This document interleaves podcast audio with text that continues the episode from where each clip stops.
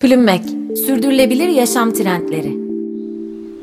Sürdürülebilirliğin psikolojisi ve iklim krizi.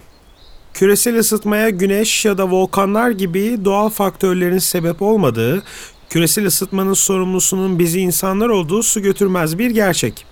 Buna rağmen iklim krizi üzerine yapılan anketlerde toplumun bazı kesimlerinin hala iklim değişikliğini küresel bir kriz olarak değerlendirmediği görülüyor. İklim krizinin hayati ve küresel bir sorun olarak görüldüğü kesimdeki bireylerin ise günlük hayatlarında sürdürülebilir seçimler yapmaları ve çevreci davranış biçimlerini özümsemeleri için her zaman gerekli motivasyonları olmuyor. Peki yarattığı yıkımı bildiğimiz halde neden küresel ısıtmayı artıracak tüketimler yapıyoruz?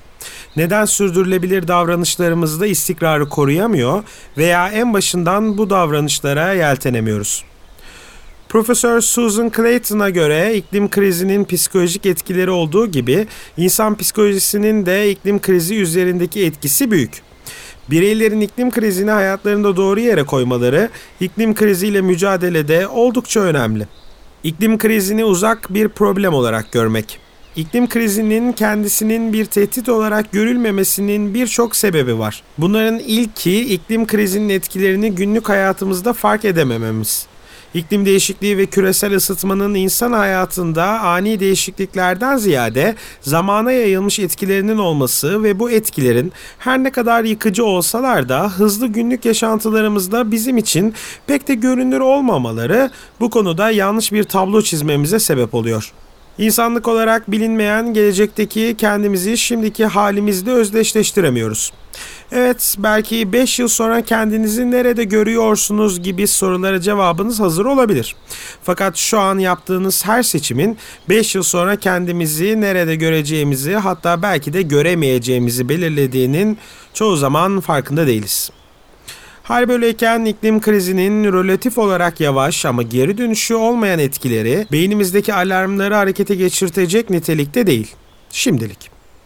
İklim krizini bir çevre sorunundan ibaret görmek. İklim krizinin bir tehdit olduğunun tabii ki farkındayım diye düşünüyor olabilirsiniz. Fakat maalesef iklim krizinin eriyen buzullardan ve azalan biyoçeşitlilikten ibaret zannedilmesi yaygın bir durum.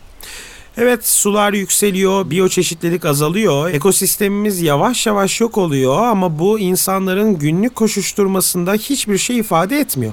Çin'deki ya da Hindistan'daki hava kirliliğini bulunduğumuz bölgede hayvancılığın karbon salımını ve vahşetini tabaklarımızda azınlıkların ve çocuk işçilerin tüketimlerimiz için yaşadıkları zulümleri satın aldığımız ürünlerin ambalajlarında göremiyoruz. İklim krizinin nedenlerini ve etkilerini direkt ve somut olarak görmediğimiz için bundan etkilenmediğimizi düşünmek, sürdürülebilir alternatiflere yönelmemizi ve küçük fedakarlıklarda bulunmamızı zorlaştırıyor. İklim krizinin ekolojik bir problem olduğu doğru.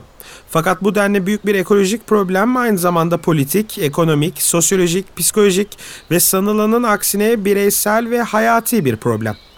Doğadan belki de en uzak olduğumuz günümüzde ekosistemimizin yok oluşunun varlığımızı birincil dereceden tehdit ettiğini yeniden hatırlama gereği duyuyoruz. Sorumluluğu üstlenmemek ve insan faaliyetlerini küçümsemek. Konu iklim krizi olduğunda bir suçlu aramak ve bulmak oldukça kolaydır. Sömürgeci gelişmiş ülkeler veya büyük canavar şirketlerin yanında biz sıradan insanların günlük faaliyetleri nedir ki? İklim krizi maalesef birkaç günah keçisi bulup sorumluluğundan kurtulabileceğimiz bir problem değil. Dünyanın bir yılda kaldırabileceği en fazla karbon salımı kişi başına 3 ton iken bu sayı Amerika'da ortalama bir insan için 16 tona varıyor. Bu hepimizin iklim krizinin sorumlusu olduğu anlamına gelmekle beraber her birimizin bunu değiştirecek gücü olduğu anlamına da geliyor. Sürdürülebilir davranışları nasıl geliştirebiliriz? İnsanların sürdürülebilir davranışlarda bulunmamasının sayısız nedeni var. Üstüne üstlük alışkanlıkları birden değiştirmek hepimizin de bildiği gibi hiç kolay değil. Yine de bizi sürdürülebilir alışkanlıklardan ve davranışlardan alıkoyan nedenleri tespit edersek işimiz kolaylaşır. Yukarıda bahsettiğimiz başlıca sebeplerin bireysel psikolojik bariyerler olduğunu görüyoruz. İklim kriziyle ilgili sahip olduğumuz yanlış yaklaşımlar, iklim değişikliği ve küresel ısıtma gibi kavramların konuşulmasının normalleştirilmesi ve yaygınlaşmasıyla düzeltilebilir. Aynı zamanda insanların iklim kriziyle olan mücadelelerinin normalleşmesi, sosyal olarak kabul edilme kaygısını da ortadan kaldırarak sürdürülebilir seçimlerin özgürce yapılabilmesine de zemin hazırlayabilir.